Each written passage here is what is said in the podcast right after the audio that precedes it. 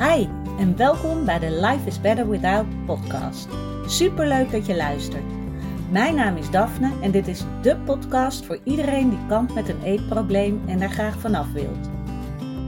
Als ervaringsdeskundige weet ik heel goed hoe het is om in jouw situatie te zitten, maar ik weet inmiddels ook hoeveel fijner het leven is zonder die eetstoornis. En dat gun ik jou ook. Daarom deel ik in deze podcast al mijn inzichten omtrent het herstellen van een eetprobleem. Ik laat je weten wat er bij mij wel werkte en wat niet. En ik sta open voor al je vragen. Als jij klaar bent voor een leven zonder eetstoornis, dan weet ik 100% zeker dat jij dat kan bereiken. Want als ik het kan, kan jij het ook. Ja, welkom weer bij een nieuwe podcast aflevering leuk dat je weer luistert. En ehm, ik ben heel benieuwd ehm, hoe jij kijkt tegen het Pasen, wat weer voor de deur staat. Dat is natuurlijk uh, aankomend weekend is het weer zover. En ehm, ik heb er al een blog over geschreven, maar ik dacht misschien is het goed als ik er ook nog eventjes een podcast voor maak, over maak uh, voor mensen die niet van lezen houden en toch keihard opzien tegen Pasen, wat ik me heel goed kan voorstellen. Want het is natuurlijk zo met al die feestdagen dat het, um, in ieder geval, ik kan me dat nog wel herinneren, dat ik altijd dacht van, oh, ik wil best mijn familie zien of vrienden. Maar al dat uh, eetgebeuren, dat hoeft voor mij niet. En daarom um, heb ik even vijf tips voor jou op een rijtje gezet die jou uh, kunnen helpen de komende dagen. En ik ga gewoon meteen uh, met de tips in, uh, in huis vallen. Want het hoeft ook niet langer te duren dan nodig. En ik wil graag dat jij nou, aankomend weekend toch een leuk weekend hebt. Dus als je dit weekend afspraken hebt, dan vertel je, als je familie of vrienden weten van je eetstoornis, dat je graag met ze afspreekt, maar vraag ze niet op jou en je eetgedrag te focussen.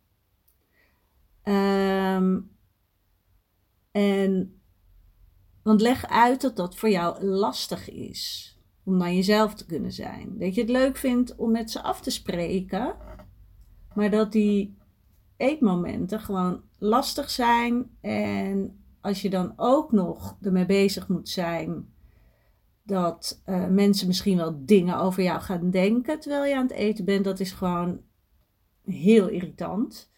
Dus um, geef dat van tevoren aan dat je dat niet wil. Dat je geen opmerkingen wil over hoeveel je eet, of wat je eet, of wat je vooral niet eet.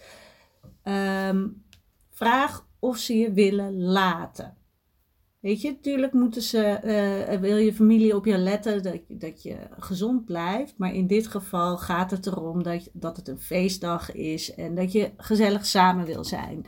Dus geef dat ook aan en zeg van uh, deze dag laat het eventjes los. Laat me gewoon doen wat ik wil. En vind je dat nou moeilijk om dat zomaar te zeggen, wat ik heel goed begrijp?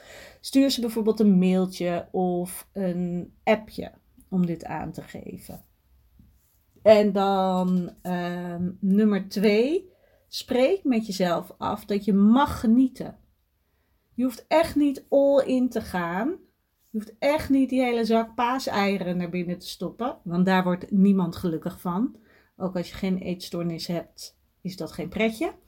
Maar sta jezelf toe om bijvoorbeeld één ding extra te eten wat je heel lekker lijkt en wat je misschien normaal niet zou doen. En dat je nu met jezelf afspreekt: oké, ik ga iets eten waar ik zoveel zin in heb, maar wat eigenlijk misschien niet mag van mezelf, maar ik ga er echt dubbel van genieten. Echt. Geef dat bij jezelf. Ah, sta, ja, sta het jezelf toe. Dat je zonder dat je je schuldig hoeft te voelen, één ding extra. Weet je, geef jezelf ook die uitdaging. En probeer ook afleiding te zoeken, juist als je met andere mensen bent. En dan nummer drie. Het kan natuurlijk zijn dat je meerdere afspraken hebt. Omdat je bij je ene ouder en dan bij de andere ouder. Of bij die oma of bij die vrienden uh, daar naartoe moet. En dat je overal weer uh, van alles naar binnen moet proppen. Oké, dat klinkt een beetje negatief. Maar dat je misschien overal een eetmoment hebt. En um, weet je, dat is heftig. Het moet ook een fijn weekend blijven. Dus kies voor jezelf één of twee momenten uit dat je ergens naartoe gaat. Dat je denkt: oké, dan daar wil ik wel mijn eetmoment doen. En als je dan nog meer uh, momenten hebt dat je met mensen af moet spreken, geef dan aan van: ik wil je graag zien, maar ik kom bijvoorbeeld op de thee. Of um, zullen wij even gaan wandelen? Of weet je, iets in die richting. Dat je aangeeft van, want ik heb al twee afspraken waar ik bij moet eten. En gewoon eerlijk zijn daarover. Weet je, dan gaan mensen ook niet uh, speculeren van waarom je niet wil. Of weet je, geef het gewoon aan, wees eerlijk. Dat maakt het echt voor jou veel makkelijker, maar ook voor de ander veel makkelijker. En hier ook weer de momenten dat je dan afspreekt waar, een, ja, waar eten bij is, probeer te genieten. Weet je, je hoeft echt niet meteen alles te eten wat je eng vindt, maar probeer een paar dingen. Weet je, sta jezelf toe net even wat meer te mogen. En dan uh, tip 4. En dat is plan voor jezelf van tevoren in wat je gaat doen wanneer je thuis komt of als je bezoek weer weg is. Want dat is natuurlijk vaak een moment dat je dan ineens ja, een soort stress release krijgt of nodig hebt. Um, en dat je even niet meer weet wat je nou met jezelf aan moet. Uh, ik had bijvoorbeeld, als ik even een voorbeeld uh, kan geven van mezelf, uh, dat ik dan juist altijd heel weinig at bij familie of vrienden.